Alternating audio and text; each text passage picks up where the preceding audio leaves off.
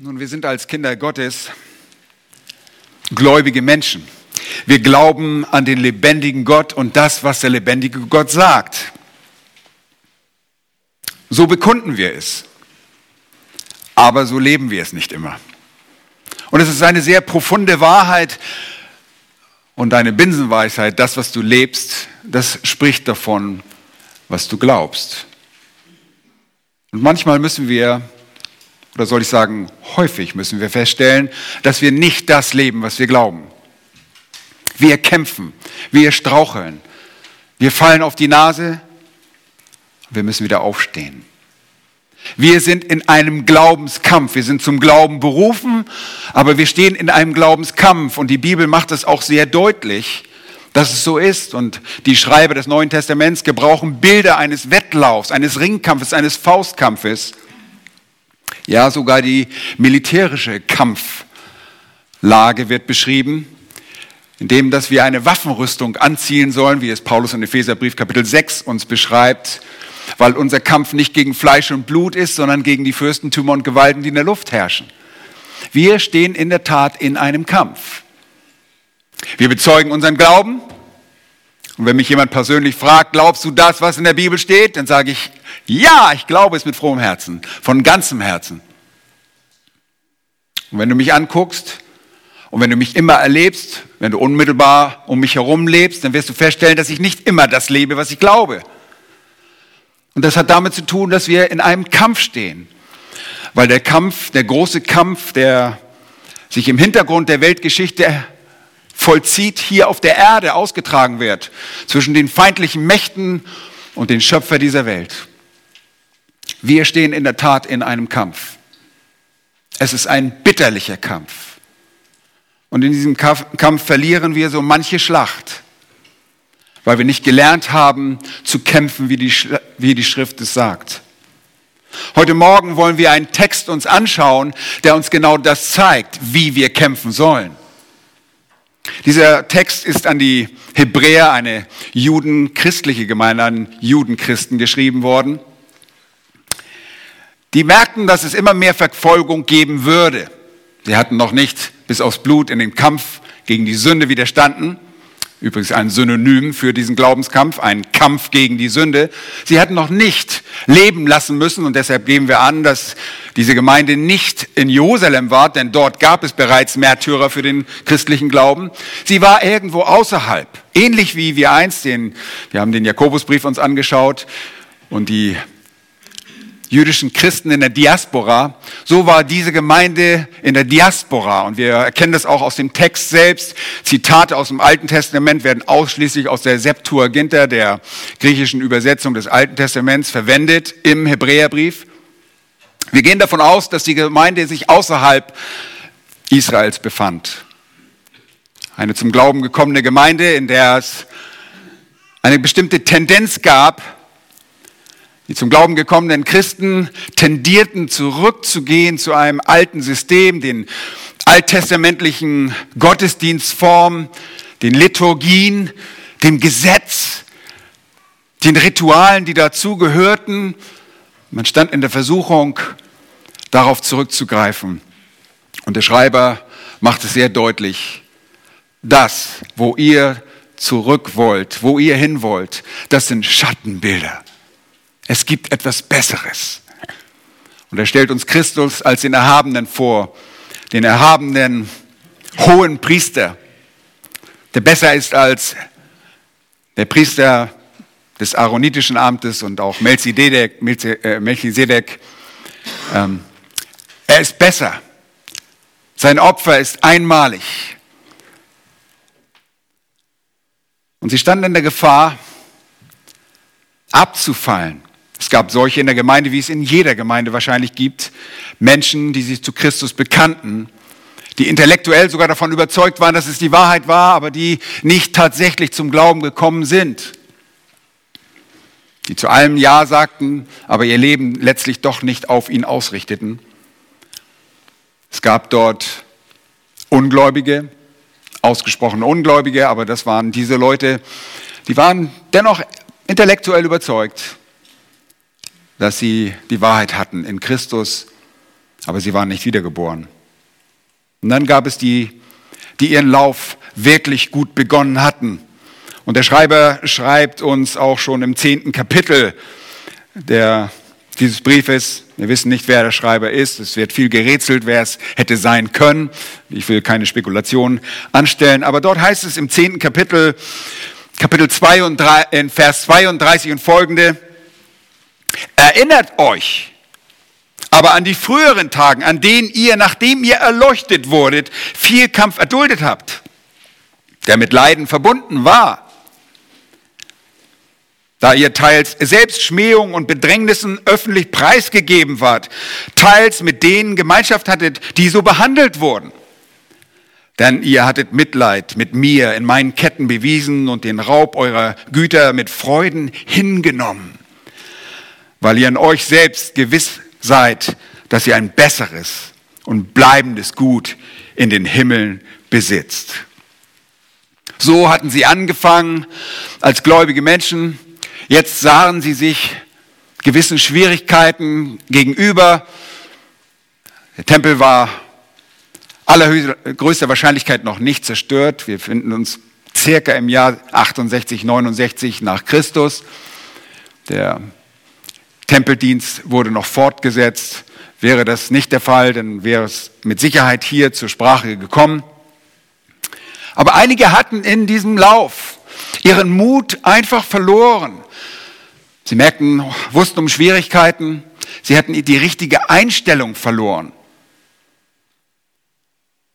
So heißt es in Vers 35 in dem zehnten Kapitel, so werft nun eure Zuversicht nicht weg, die eine große Belohnung hat, denn standhaftes Ausharren, das tut euch Not, damit ihr, nachdem ihr den Willen Gottes getan habt, die Verheißung erlangt. Denn noch eine kleine Zeit, eine ganz kleine Weile, dann wird der kommen, der kommen soll und wird nicht auf sich warten lassen. Der Gerechte aber wird aus Glauben leben, doch wenn er feige zurückweicht, so wird meine Seele kein Wohlgefallen an ihm haben. Und dann sagt er einen ganz bezeichnenden Satz, wir aber gehören nicht zu denen, die feige zurückweichen, zum Verderben, sondern zu denen, die glauben zur Errettung der Seele.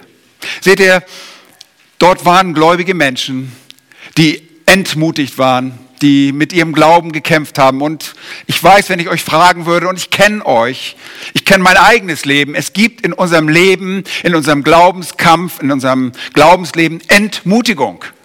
Die gibt es. Und zwar immer dann, wenn wir eine falsche Perspektive haben. Wenn wir gesündigt haben, wenn wir einer falschen Lehre oder falschen Ansprüchen folgen, so wie es auch diese Juden, Christen taten, nämlich sie dachten, sie müssten zurück zu gewissen Gesetzmäßigkeiten, zurück zu Ritualen, die sie einzuhalten pflegten. Das waren ihre Lasten. Und ihr wisst, was die Pharisäer und Schriftgelehrten den Juden für Lasten auferlegten. Und alle diese zusätzlichen Lehren zu dem Wort Gottes, die eigentlich nicht aus dem Wort kommen, waren ihnen Bürde geworden. Und ihr wisst selber, dass Matthäus aufruft im elften Kapitel des Matthäus-Evangeliums, kommt zu mir, denn meine Last ist leicht und mein Joch ist sanft. Lernt von mir. Nun, sie waren entmutigt. Und jetzt schreibt er an sie und sagt ihnen, ihr könnt im Glaubensleben siegen, wenn ihr richtig kämpft. Und dazu lesen wir zunächst einmal den Predigtext aus Kapitel 12, die Verse 1 bis 3. Da heißt es, da wir nun eine solche Wolke von Zeugen um uns haben, so lasst uns jede Last ablegen und die Sünde, die uns so leicht umstrickt, und lasst uns mit Ausdauer laufen in dem Kampf, der vor uns liegt. Indem wir hinschauen auf Jesus, den Anfänger und Vollender des Glaubens, der um der vor ihm liegenden Freude willen das Kreuz erduldete und dabei die Schande für nichts achtete und der sich zur Rechten des Thrones Gottes gesetzt hat. Achtet auf ihn, der solchen Widerspruch von den Sündern gegen sich erduldet hat, damit ihr nicht müde werdet und den Mut verliert. Ihr Lieben, mein Thema für dich heute Morgen und der Thema dieses Textes ist, wer im Glaubensleben siegen will, der muss kämpfen. Und ich möchte von vornherein gleich klarstellen, wer im Glaubensleben siegen will, der muss kämpfen. Dieser Sieg ist nicht um des Siegens willen, dass du dich brüsten kannst und sagen kannst, ich habe gewonnen. Dieser Sieg ist ein Sieg, der sich darin auszeichnet, dass du in dem Glaubenssieg Gott ehrst. Und dazu möchte ich euch bitten, dass ihr zurückgeht in das Kapitel 11. Und das Kapitel 11 ist dafür bekannt, dass dort die gewissen Glaubenshelden aufgeführt werden. Eine Galerie von Menschen, die Glauben bewiesen haben als eine Kraft Gottes. Und da heißt es in Vers 6, ohne Glauben aber ist es unmöglich, ihm wohlzugefallen. Denn wer zu Gott kommt, der muss glauben, dass er ist und dass er die belohnen wird, welche ihn suchen. Wenn es um den Sieg geht, dann geht es nicht primär darum, dass wir uns sehen als diejenigen, die in einer Siegesparade dahinlaufen und gekrönt werden, obwohl die, die, die Belohnung auch hier im Vordergrund steht. Es geht darum, unseren Gott zu gefallen. Du kannst Gott nicht gefallen, wenn du nicht glaubst. Du musst glauben. Und so ist dieser Kampf, von dem der Text eigentlich spricht hier, eine Umschreibung von Glauben. Wer im Glaubensleben siegen will, der muss glauben. Ich habe gesagt, er muss kämpfen. Nun, dieser Kampf wird uns in diesen drei Versen deutlich vor Augen gemalt, in drei Punkten. Sehr einfach. Prediger lieben drei Punkte. Der erste Vers zeigt uns, dass wir in dem Glaubenskampf die Kampfgenossen beachten müssen. Achte auf die Kampfgenossen.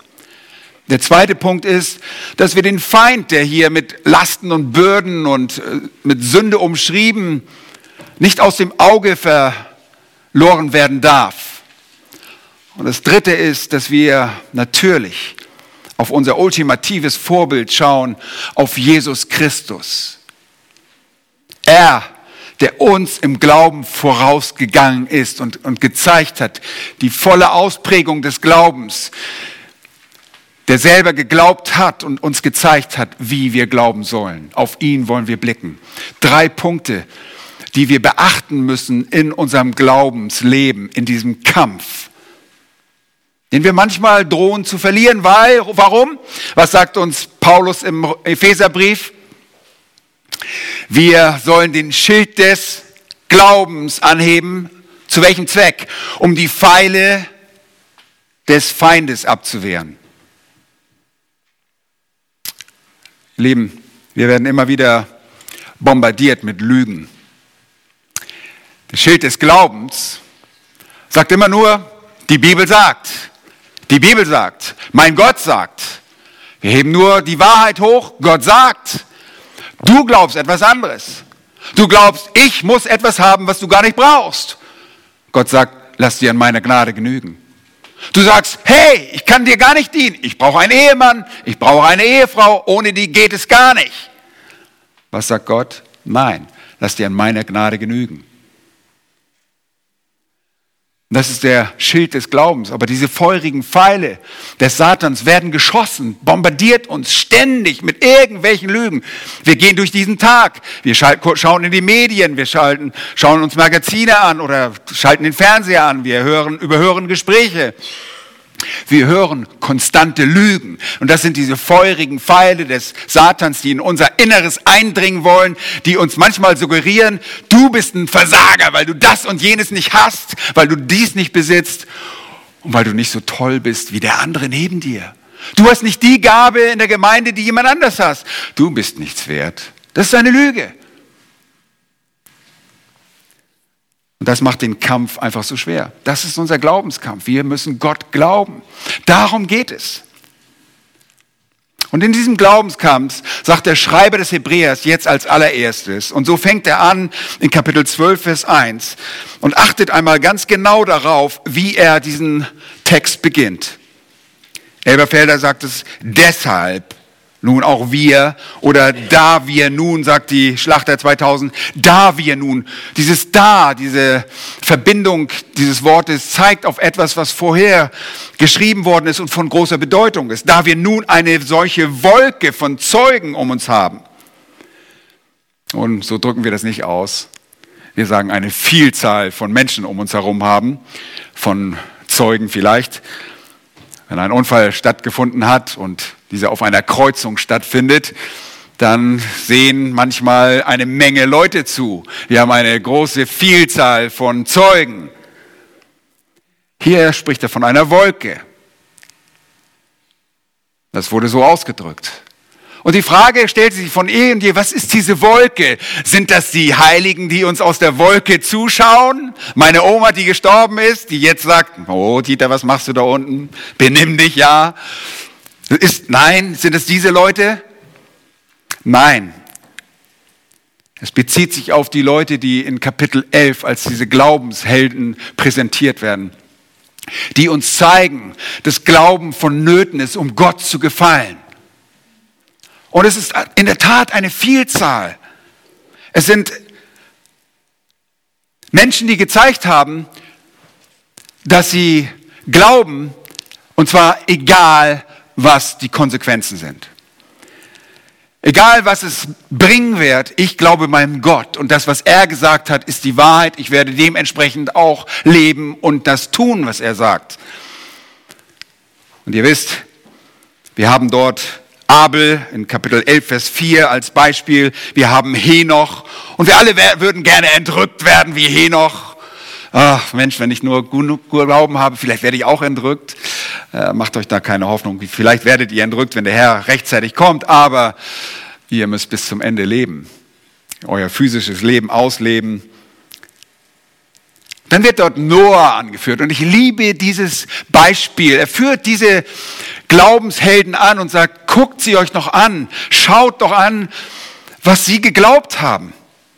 Und ich liebe es, Noah ganz besonders. Letztes Jahr stand ich an der Arche, die nachgebaut wurde in Originalgröße in Kentucky. Mir ging das wieder durch den Kopf. Mann, der Typ muss Glauben gehabt haben. Es hat wieder geregnet, als Gott ihm sagte, ich will diese Erde verderben, bau einen Kasten. Und das ist nun wirklich nicht nur Hunde, eine Hundehütte gewesen. Ich stehe neben dieser Arche und das ist ein imposantes Gebäude. Und ich denke, was hat der Mann für ein Glauben gehabt? Der baut sie da mitten aufs trockene Land und glaubt seinem Gott, der nur einmal spricht und er hört und er sagt, in 1. Mose 6 wird es schon Noah gesagt und Gott und Noah tat alles, glaubte und tat alles, was Gott ihm befahl.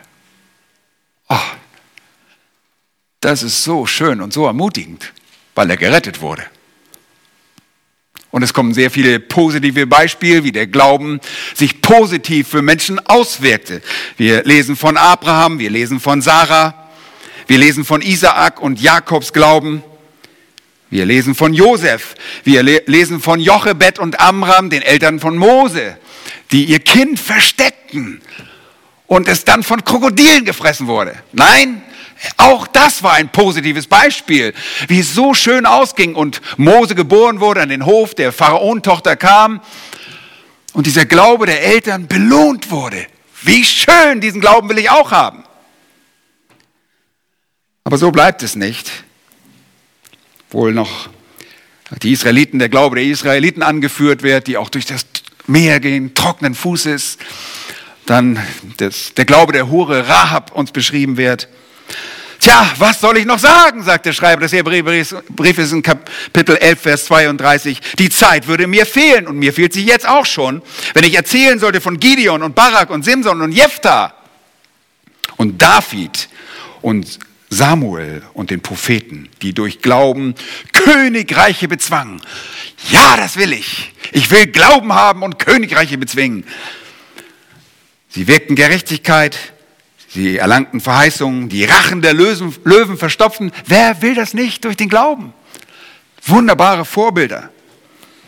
Sie haben die Gewalt des Feuers ausgelöscht, sind der Schärfe des Schwertes entkommen, sie sind aus Schwachheit zur Kraft gekommen, sind stark geworden im Kampf, haben die Heere der Fremden in die Flucht gejagt. Amen. Wollen wir diesen glauben? Mann, der verspricht uns tolle Dinge. Frauen erhielt ihren Toten durch Auferstehung wieder. Mann. Hammer. Aber jetzt kommt es. Andere aber ließen sich martern und nahmen die Befreiung nicht an, um eine bessere Auferstehung zu erlangen. Andere erfuhren Spott und Geißelung. Dazu Ketten und Gefängnis, sie wurden gesteinigt, zersägt. Ah, zersägt. Eieiei. Dazu Ketten und Gefängnis, sie wurden gesteinigt, zersägt. Sie erlitten den Tod durchs Schwert, sie zogen umher in Schafspelzen und Ziegenfällen, erlitten Mangel Bedrückung, Misshandlung. Sie, deren die Welt nicht wert war, ehrten umher in Wüsten und Gebirgen, in Höhlen und Löchern der Erde. Uh. Hm. Sie hatten Glauben. Sie ließen sich nicht beirren. Und dann heißt es dort, und diese alle, obgleich sie durch den Glauben ein gutes Zeugnis empfingen, haben das Verheißung des Verheißenen nicht erlangt, weil Gott für uns etwas Besseres vorgesehen hat, damit sie nicht ohne uns vollendet würden. Sie sind Miterben. Sie werden das himmlische Jerusalem mit uns zusammen bewohnen. Aber sie hatten Glauben und sie sind uns zum Vorbild und zum Ansporn gegeben worden. Und es ist wirklich eine Ermutigung, einfach in diese Geschichten des Alten Testaments sich hinein zu versenken, darüber nachzudenken und zu sagen, Mensch, dieser Glaube hat diese Menschen dazu veranlasst, Gott zu ehren. Gott wurde geehrt. Waren das alles perfekte Leute? Überhaupt nicht. Mein Musterbeispiel von Noah, nach der Flut trinkt er, musste er erstmal einen über den Durst trinken, kommt aus der Arche raus, kein Mensch mehr da. Betrinkt sich. Wir wissen um David. David wird als ein Glaubensheld angeführt. War er immer ein treuer Mensch? War er sündlos? War er nicht. Aber das war sein Leben. Sein Leben hat sich durch Glauben ausgezeichnet. Er hat seinem Gott geglaubt und hat Buße getan, wenn er auf die Nase gefallen ist. Und so sind diese Glaubenshelden uns zum Vorbild in unserem Glaubenskampf von größter Bedeutung, sagt der Schreiber des Hebräerbriefes. Wenn du im Glaubensleben kämpfen willst, dann beachte diese Glaubenshelde. Geh zurück in das Alte Testament. Lies diese Geschichten durch. Und auf einmal wird deine kleine Not sehr, sehr klein. Ah, ich habe letzten Monat, mein Gehalt war um 100 Euro gekürzt. Oh, Krise. Ich, ich, ich werde wahrscheinlich nicht überleben. Ich weiß gar nicht, wie ich das überstehen soll. Du gehst in das Alte Testament und siehst, was da passiert, wie ein Jeremia behandelt wird, wie er leidet für das Wort, für den Herrn. Und du wirst neu aufgebaut und denkst, ach, was sind diese 100 Euro? Kein Problem, kein Problem. Kämpfe mit dem Bewusstsein um diese Glaubenshelden, die Gott geehrt haben, die ihm gezeigt haben, dass sein Wort die Wahrheit ist und sie haben das geglaubt bis zum Ende. Sie haben festgehalten daran. Eifer ihnen nach. Nun, wenn du kämpfst, dann sei dir auch des Feindes bewusst. Das ist der zweite Punkt. Du sollst nicht ständig auf den Feind blicken und denken, hinter jedem Busch ist ein Dämon. Das gibt es auch. Dass Leute meinen, überall schwert nur ein Dämon und Satan ist nur hinter dir her. Ich sage euch eins, wir brauchen Satan nicht so viel. Satan ist viel schlauer. Er hat weltliche Systeme, gottlose Systeme in diese Welt gesetzt, die wir, denen wir glauben. Okay? Er muss nicht persönlich hinterher jedem herlaufen. Dafür hat er gar keine Zeit. Er ist gar nicht allgegenwärtig. Preis den Herrn, dass er das nicht ist. Ist einfach nur ein gefallener Engel mit sehr viel Macht. Aber er möchte uns zu Fall bringen und er möchte auch, dass wir uns irgendwelchen falschen Regeln anhängen. Und das passiert in der Gemeinde oft, dass wir uns Lasten gegenseitig auferlegen. dass wir Bürden haben. Er spricht nämlich davon, so lasst uns jede Last ablegen. Der Schreiber benutzt in seinem Brief diese Analogie, dieses, dieses Bild des Wettlaufs. Und das war etwas durchaus Gängiges im, in dem Römischen Reich, überall verteilt durch die Griechen, die sehr viel für die sportliche Ertüchtigung etwas taten. Denn ein gesunder Geist und ein gesunder Leib gehörten einfach nur zusammen.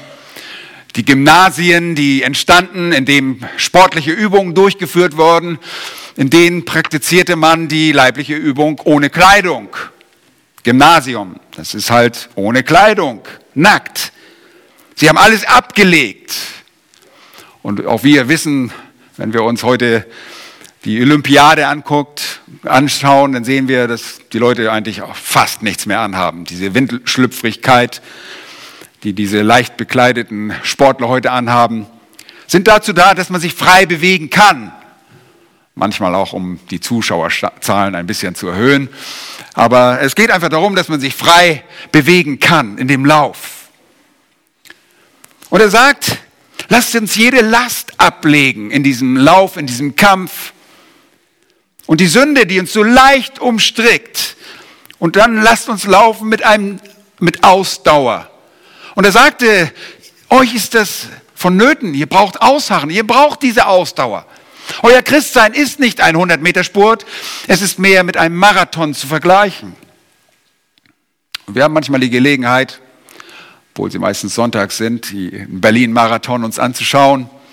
Ich habe mir unlängst einen Marathon angesehen. Und es ist unvorstellbar, dass ihr diesen Marathonläufer Läufer seht wie er auf einmal abbiegt und beim H&M reingeht und sagt, ach, das ist ein Angebot, ich kaufe mir mal einen Mantel und ziehe ihn kurz an und läuft in diesem Mantel weiter. Aber so sind wir, genau so sind wir. Wir laufen und laufen, C und A. Und wir kaufen uns einen Mantel, eine Last, wir bürden uns mit Dingen auf, die unser Christsein hemmen. Und das sind Regeln gewissermaßen in unserer Gemeinde, wo wir denken, so und so musst du handeln, damit du noch ein supergeistlicher Christ bist. Wenn du nicht mit jedem irgendwo in einer Jüngerschaftsbeziehung stehst, dann musst du kein sehr guter Christ sein. Oder wenn du nicht eine bestimmte Haarlänge hast oder wenn du eine bestimmte Rocklänge hast oder einen bestimmten Kleidungsstil hast. Oh, ich weiß nicht, ob du wirklich heilig bist. Wir haben bestimmte Regeln. Und diese Regeln sind nicht ausgeschrieben, keiner von uns würde das schriftlich rausbringen, aber doch verhalten wir uns oft so, dass, naja, wenn du nicht das aufgibst und ah, du baust hier ein Eigenheim, du kannst ja doch kein Eigenheim bauen, du bist ja völlig egoistisch, warum gibst du das Geld nicht in die Gemeinde? Wir bauen irgendwelche Regeln auf, die die Schrift nicht kennt und bürden Menschen Lasten auf, die die Schrift uns niemals geben würde. Nun, für die Empfänger des Hebräerbriefes war es offensichtlich die Gesetzlichkeit. Und wir sehen das manchmal bei sogenannten messianischen Juden, so nennen sie sich zumindest. Ich mag diesen Begriff überhaupt nicht. Sie sind keine Juden, sie sind jüdische Christen, aber keine Juden. Die Identität ist nicht Jude, sondern Christus. Sie gehen zurück und zu Praktiken des Alten Testaments, zu diesen Schattenbildern und verharren in diesen Schattenbildern und separieren sich und trennen sich ab von der Gemeinde Jesu Christi, von den Heiden Christen. Sie legen sich Lasten auf, das war diese Gesetzlichkeit. Sie standen in der Gefahr, zurückzugehen zu diesen Gottesdiensten des Judentums. Und der Schreiber sagt einfach, legt diese Lasten ab. Und das können falsche Ansprüche sein. Es ist nicht unmittelbar eine Sünde, obwohl es auch Sünden sind. Es sind falsche Prioritäten. Falsche Einteilung deiner Zeit kann zu einer Last werden in deinem Leben. Er sagt, legt sie ab. Gleichsam wie man einen Mantel ablegt in einem Lauf, in dem man nicht beschwert laufen kann. Und vor allen Dingen sagt er, und das ist das Zweite, sagt er, legt die Sünde ab. Und ihr Leben, nicht irgendeine Sünde, sondern die Sünde, die uns so leicht umstrickt. Sie nimmt uns leicht gefangen. Sie ist leicht da. Du stehst gerade von deiner morgendlichen Andacht auf, gehst an den Frühstückstisch und du fängst schon wieder an zu sündigen. Und sie umstrickt dich, sie nimmt dich gefangen, sie, sie nährt deinen Egoismus. Und du musst dich ihrer entledigen. Und ihr Lieben, ich habe manchmal den Eindruck, dass wir nicht gelernt haben, die Sünde recht abzulehnen. Wir gehen aufeinander zu, sagen, tut mir leid, tut mir leid, dass ich es gemacht habe und haben immer noch so ein langes Gesicht. Und es ist kein Ablegen der Sünde, es ist eine Selbstentschuldigung, damit man wieder selber besser dasteht. Man betrauert sich selber, weil man sich die Konsequenzen seiner Sünde irgendwie, die, die nicht tragen möchte. Das hat negative Auswirkungen für einen selbst. Aber es ist keine wahre Buße. Ablegen der Sünde bedeutet, biblische Buße zu tun. Zunächst zu dem Gott, der uns gemacht hat, zu gehen und sagen, ich habe gegen dich gesündigt. Wie einst ein David im Psalm 51, der sagt, gegen dich allein habe ich gesündigt. Ihm war das bewusst, obwohl er gegen und mit Bathseba gesündigt hat, ging er zu seinem Gott. Und dann zu allen anderen auch, die betroffen waren. Wir müssen diese Sünde ablegen. Sie beschwert uns. Sie lässt uns nicht mehr klar sehen. In einem Lauf müssen wir auf das Ziel sehen. Wenn es auf einmal alles neblig wird, dann laufen wir überall hin, nur nicht auf das Ziel. Die Bibel lehrt uns, dass wir, wenn wir den Geist Gottes betrüben, wenn wir sündigen, wenn wir Sünde in unserem Leben haben, dass wir nicht klar sehen können. Dass wir den Geist Gottes betrüben. Und ratet mal was. Wenn wir den Geist Gottes betrüben, dann wirkt dieser Geist nicht, dass er in uns die Frucht des Geistes bewirkt. Du wirst keine Freude mehr haben. Du gehst wie ein geschlagener Hund durchs Leben und denkst, oh, ich habe das schwerste Leben in der Welt. Keiner leidet so wie ich.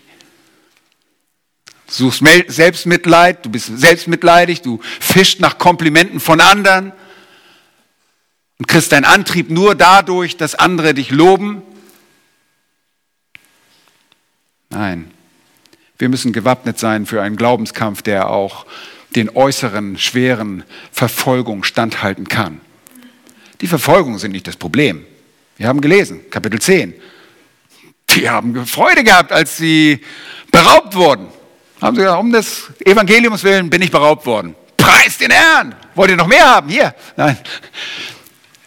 Das ist nicht das Problem. Die Einstellung ist das Problem. Wir müssen kämpfen, indem wir uns motivieren lassen durch die Glaubenshelden durch das, was sie geglaubt haben. Wir müssen kämpfen, indem wir die Sünde ablegen, alles, was uns erschwert. Und dann mit Ausdauer laufen. Nicht Zähne zusammenbeißen, morgen ist vorbei, komme von einer Freizeit wieder und ihr wisst, wovon ich spreche. Komme von einer Freizeit, vielleicht einer Jugendfreizeit. Wir sind vollgeladen. Wir haben das Wort Gottes gehört. Alle waren toll zusammen. Wir haben uns gegenseitig aufgepeitscht und wie schön das war. Und jetzt werde ich die Welt verändern mit meinem Glauben. Zwei Tage später. Oh, Mama, muss ich wirklich aufräumen? Soll ich mich dir unterordnen? Hast du was zu sagen? Wo ist der Glaube geblieben? Oh, das ist keine Verfolgung, wenn deine Mama dir einen Auftrag gibt. Das ist, ja, für einige schon. Wir müssen mit Ausdauer laufen. Wir müssen uns bewusst sein, dass im Glaubensleben zu siegen ist nur zu glauben, was die Schrift sagt. Nochmals, wir, wir glauben oft, ich glaube oft einer Lüge. Und dann orientiere ich mich, deshalb betonen wir stille Zeit. Stille Zeit ist nicht irgendwie oh, dich selbst bepinseln und sagen, oh, ich habe stille Zeit gemacht, wieder einen Haken dahinter gemacht, toll. Und dann vergisst du den ganzen Tag deinen Herrn. Nein, die stille Zeit ist dazu da, damit du zur Stille kommst, zur Ruhe kommst und hörst, was Gott sagt. Und dann sagst du, Mist, ich habe schon wieder eine Lüge gelebt. Und du tust Buße, du gehst auf die Knie und sagst, Herr, ich will heilig sein. Ich will tun, was dir gefällt. Ich will dir glauben. Denn es ist unmöglich, Gott zu gefallen, wenn wir nicht glauben. Und dann leben wir dementsprechend. Und da sagt er, wir haben so viele Leute vor uns, die das getan haben. Die haben alles auf sich genommen. Die sind dafür gestorben. Und die haben sich gesagt, so what? Na und? Was soll's? Ich warte nicht auf eine besondere Beförderung auf dieser Seite der Ewigkeit. Ich habe eine bleibende Stadt. Ich habe ein himmlisches Jerusalem. Ich warte auf eine Stadt, die der Herr selbst mir zubereitet. Das ist unsere Perspektive. Und deshalb kann es auch keine Katastrophe geben. Wenn du dein Leben für deinen Herrn Jesus Christus verlierst, meine Güte, was für eine Ehre. Nun, in diesem Glaubenskampf schauen wir also auf Glaubenshelden, die uns motivieren. Das sind normale Menschen wie du und ich, die Glauben bewiesen haben. Wir schauen auf den Feind. Und ich möchte betonen, wir schauen gar nicht so sehr auf Teufels. Wir kennen seine Machenschaften. Der Feind bist meist selbst nur du, dein Fleisch. Ihr Lieben, die Kraft des Fleisches, der Lust und Begierde, die Lust der Augen, der Hochmut des Menschen, der ist so stark. Du bist der eigene Feind deines Glaubenslebens. Und ihr wisst, wovon ich spreche. Einige wissen das nicht. Ich sehe das schon kommen. Ich wusste das auch lange nicht. Als ich das erste Mal diese Predigt gepredigt habe, 1984, da habe ich das alles richtig schön alles sagen können. Aber ich habe nicht gewusst, wie verdorben ich selbst bin. Heute weiß ich, wer ich bin. Und ich bin noch schlimmer. Ich sage euch das auch immer wieder. Erinnert ihr euch daran? Du denkst, du bist schlimm? Ha, du bist noch viel schlimmer. Wir sind viel schlimmer als das, was wir von uns denken. Und das ist so. Und ich weiß es mittlerweile auch aus Erfahrung. Wir haben keine guten Herzen. Wir sind in der Gefahr, immer wieder weggezogen werden und gräuliche, abscheuliche Dinge zu tun, zu denken und zu tun. Leg diese Sünde ab. Orientiere dich neu an dem, was Gott von dir will, was er dir im Wort Gottes sagt. Das tu, ungeachtet der Dinge, die auf dich zukommen wollen. Sei mutig. Dem Josua wurde gesagt vor der Landeinnahme, sei stark und mutig. Ich sage euch was. Der Glaube ist nichts für Schwächlinge. Das haben wir gerade gelesen. Schwächlinge und Feiglinge werden nicht in das Reich Gottes eingehen. Wir müssen stark und mutig sein und sagen, so hat Gott gesprochen, das glaube ich, so will ich leben. Ja, das Dritte, was er sagt, ist, blicke auf Jesus. Und ich kann euch die ganze Grammatik auseinanderklamüstern. Ich glaube, das hilft euch in diesem Fall nicht so viel weiter, aber wir legen diese Dinge ab und jetzt kommt eine konstante Handlung. Wir sollen hinschauen. Es ist ein Mittelwort. Ein Mittelwort ist ein Partizip. Und ihr hört das immer wieder, das uns zeigt, dass wir das konstant tun sollen, indem wir hinschauen. Wir fixieren uns auf Jesus. Wir blicken auf das Ziel. Jesus ist unsere Belohnung und unser Ziel. Sagt Paulus auch im Philipperbrief. Er jagt dem Ziel nach, weil er weiß, dass es auch seine Belohnung ist. Leute, ich warte nicht auf einen dicken Check, der mir ausgezahlt wird im Himmel. Sag, boah, ich meine, du hast echt gut gehandelt. Hier sind 100.000 Euro. Kauf dir was Schönes. Nein, meine Belohnung ist Jesus Christus zu sehen. Und das ist auch gleichzeitig mein Ziel, auf ihn zu schauen. Nun wird aber hier bewusst der Name Jesus gesagt und das ist der irdische, seine irdische Bezeichnung einfach, seine Retterbezeichnung. Wir schauen auf ihn, der wahre Mensch, der Anfänger und Vollender, da steht des Glaubens, da steht nicht unseres Glaubens. Ist euch das aufgefallen? Er hat uns Glauben geschenkt, das wissen wir, wird auch unseren Glauben zu enden. Aber hier ist etwas anderes gemeint. Ich bin davon überzeugt, dass er hier davon spricht, dass er sagt, schaut auf Jesus, wie er selbst geglaubt hat. Er ist der Archegos, der Anfänger, das ist das Wort, das auch in Hebräer 2, Vers 10 vorkommt, ist der Urheber, der, der Heeresführer. Er geht uns voraus in seinem Glauben und wir schauen darauf, wie er geglaubt hat. Er ist die volle Ausprägung des Glaubens schlechthin. Er ist, die, er ist der Mann des Glaubens schlechthin. Wir schauen auf ihn, besonders an, in der äh, Stunde seines Todes. Und alles wird finster. Und Jesus sagt, es ist vollbracht. Ihr Lieben, bei allem Respekt es wäre verständlicher für uns geworden, wenn er das am Sonntagmorgen gesagt hätte, am ersten Tag der Woche in der Auferstehung, als er die Frauen sieht oder äh, auch die Männer, den Männern begegnet später. Er sagt, es ist vollbracht. Ich bin wieder hier. Er sagt es in der Todesstunde. In dem Glauben und in dem Wissen, dass er wieder da sein wird, wo er hingehört. Dass er wieder erhoben wird. In, zurück in die Herrlichkeit, die er schon vorher hatte bei seinem Vater. Und deshalb ist Jesus für uns auch Jemand, der Vorbildfunktion hat. Nicht nur irgendeine, sondern die ultimative Vorbildfunktion. Ihn nehmen wir uns zum Vorbild. Und kommt mir nicht, ja, der ist ja Gott und den können wir nicht folgen. Er wurde Mensch, er wurde versucht in allem, gleich wie wir, doch ohne Sünde. Wir können ihn als Vorbild nehmen, das sagt er. Schaut auf ihn, wie er gehandelt hat, wie er geglaubt hat. Und dann sagt er das und schreibt genau, wie dieser Glaube ausgesehen hat. Der um der vor ihm liegenden Freude willen das Kreuz erduldete und dabei die Schande für nichts achtete. Nun stellt euch mal vor, hier kommt der König der Könige, erstmal sein ganzes Auftreten. Er kommt nicht mit einem Rolls-Royce vorgefahren oder einem fetten Mercedes, Panzerglas und gepanzerter Mercedes, sondern er kommt demütig auf die Welt er reitet demütig auf einem Eselsfüllen nach Jerusalem. Er stirbt am Kreuz. Und ihr könnt euch nicht vorstellen, das ist für das Judentum eine Schande, sich vorzustellen, ein Gott am Kreuz. No way. Keinesfalls. Das kann nicht sein. Das ist doch kein Gott. Was für eine Schande. Und dann noch von seiner eigenen Schöpfung sich ans Kreuz nageln zu lassen. Und du sagst, du hast ein Problem. Und du leidest so schlimm. Oh ja, ich weiß nicht, ob ich nächste Woche dieses Gespräch mit meinem Arbeitgeber überstehen werde. Ich habe so ein schreckliches Leiden. Leute, guckt euch Jesus an. Er demütigt sich. Und er sagt, ich habe ein ganz bestimmtes Ziel. Ich tue nur das, was mein Vater gesagt hat. Ich mache alles, was er sagt. Und wir sehen seinen Todeskampf im Garten Gethsemane.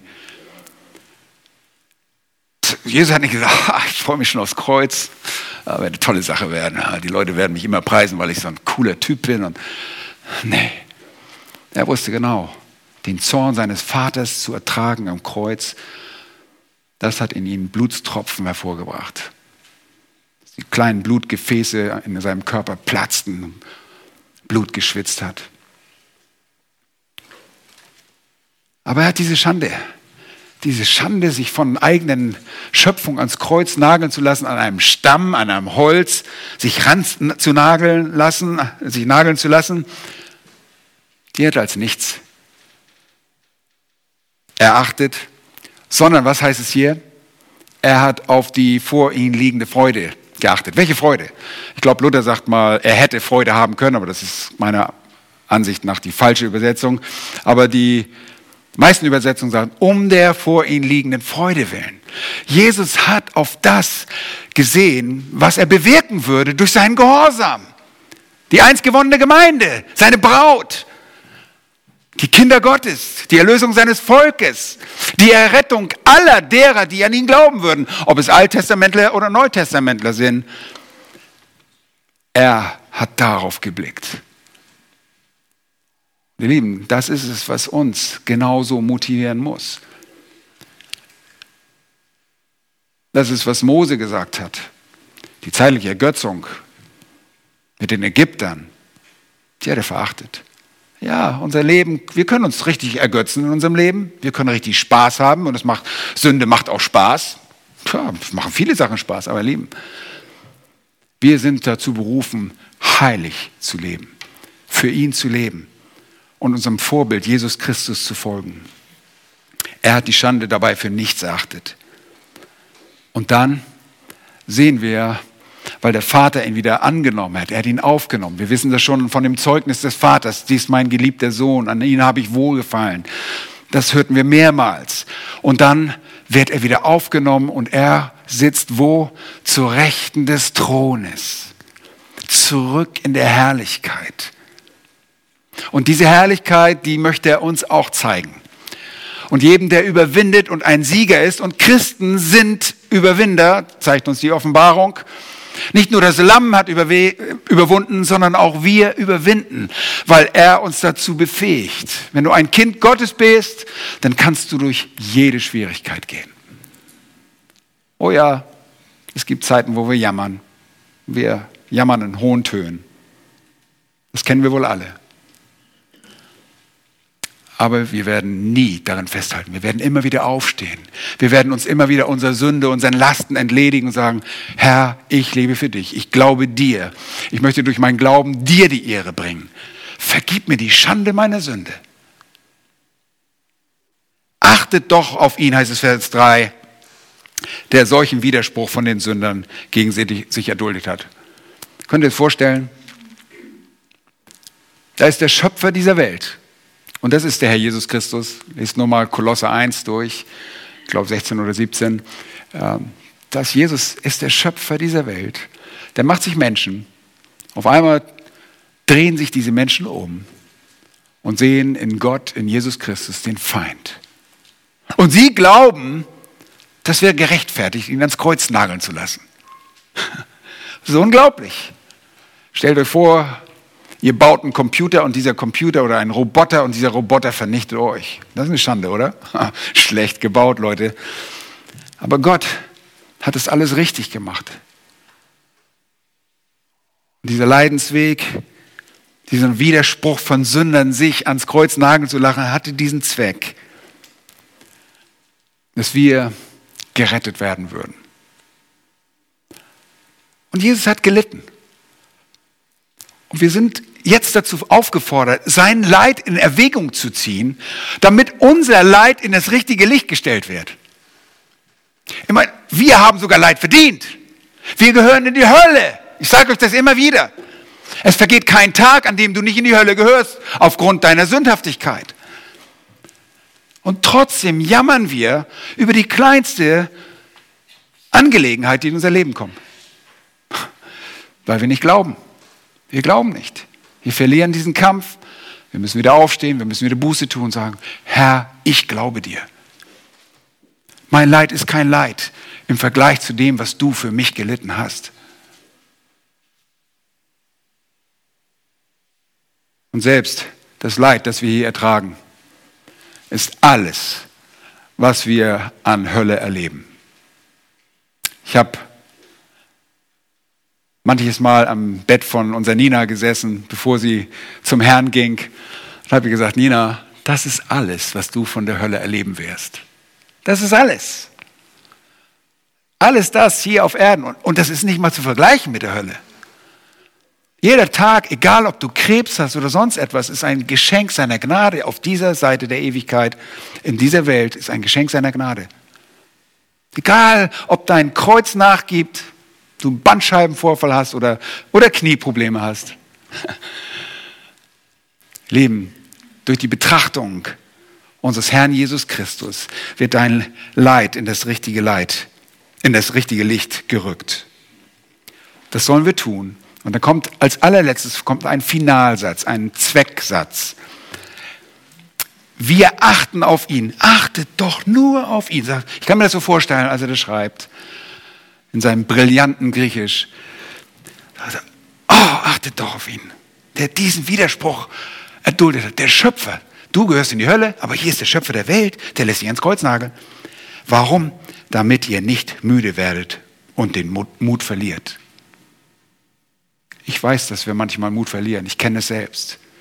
Es gibt schwache Stunden in unserem Leben, wo wir Gott nicht glauben, wo wir auf unsere Gefühle achten, und wirklich in so eine Phase reingeraten, ich bin der ärmste Mensch. Keiner hat es so schwer im Leben wie ich. Merkt ihr den Egoismus da drin schon? Ich, ja, oh, streiche mich doch mal ein bisschen. Ich glaube, wir müssen das tun, dass wir zu ihm gehen und darauf achten, was er erduldet hat. Und da sagst du, was mache ich durch? Gar nichts. Wir werden verwöhnt, wir können, wir können essen, was wir wollen. Du gehst ins, ins Supermittel, äh, in Supermarkt und kannst kaufen, was du willst. Du trinkst sauberes Wasser. Du duschst dich mit Trinkwasser.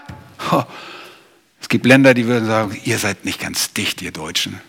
Das Trinkwasser kommt bei euch aus der Dusche raus. Mann, gib uns einen Schluck zu trinken. Trotzdem sind wir so verwöhnt und meinen, und das ist unser Stolz, dass wir noch mehr verdient haben. Ist nicht so. Ihr Lieben, wir müssen diesen Glaubenskampf kämpfen, indem wir ihm glauben. Deshalb brauchen wir immer wieder die Korrektur des Wortes Gottes. Das Wort Gottes sagt uns, was richtig ist.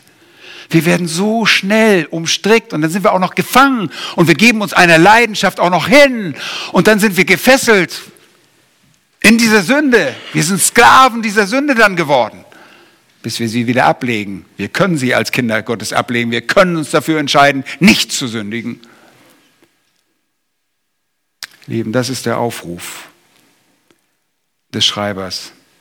Und das bleibt der Aufruf Gottes an uns heute Morgen. Wenn du im Glaubensleben siegen willst, dann musst du kämpfen. Dann musst du glauben. Und dann sagt er später in Kapitel 14, äh, in Kapitel 12 weiter, jagt dem Frieden nach, Vers 14. Mit jedermann und der Heiligung. Das ist nichts anderes als Heiligung. Unser Glaubensleben ist Heiligung. Geheiligt werden wir wodurch? Durch das Wort Gottes. Das ist einfach so. Könnt ihr, das sind Synonyme. Das ist unsere Heiligung. Unser Glaubensleben ist Heiligungsleben, ist ein Kampf gegen die Sünde. So können wir das auch umschreiben. Und den können wir nur gewinnen, indem wir uns darauf besinnen, was Gott sagt. Tut das. Und wir werden belohnt werden, indem dass wir Jesus Christus sehen. Egal, wenn du alles verlierst. Wenn du alles auf dieser Erde verlierst und alles schief gehen sollte, aber du hältst im Glauben an Christus fest, du wirst so freudig vor sein Angesicht gestellt, denn er hat die Macht, dich vor sein Angesicht zu stellen. Und das wird er tun. Lass uns beten.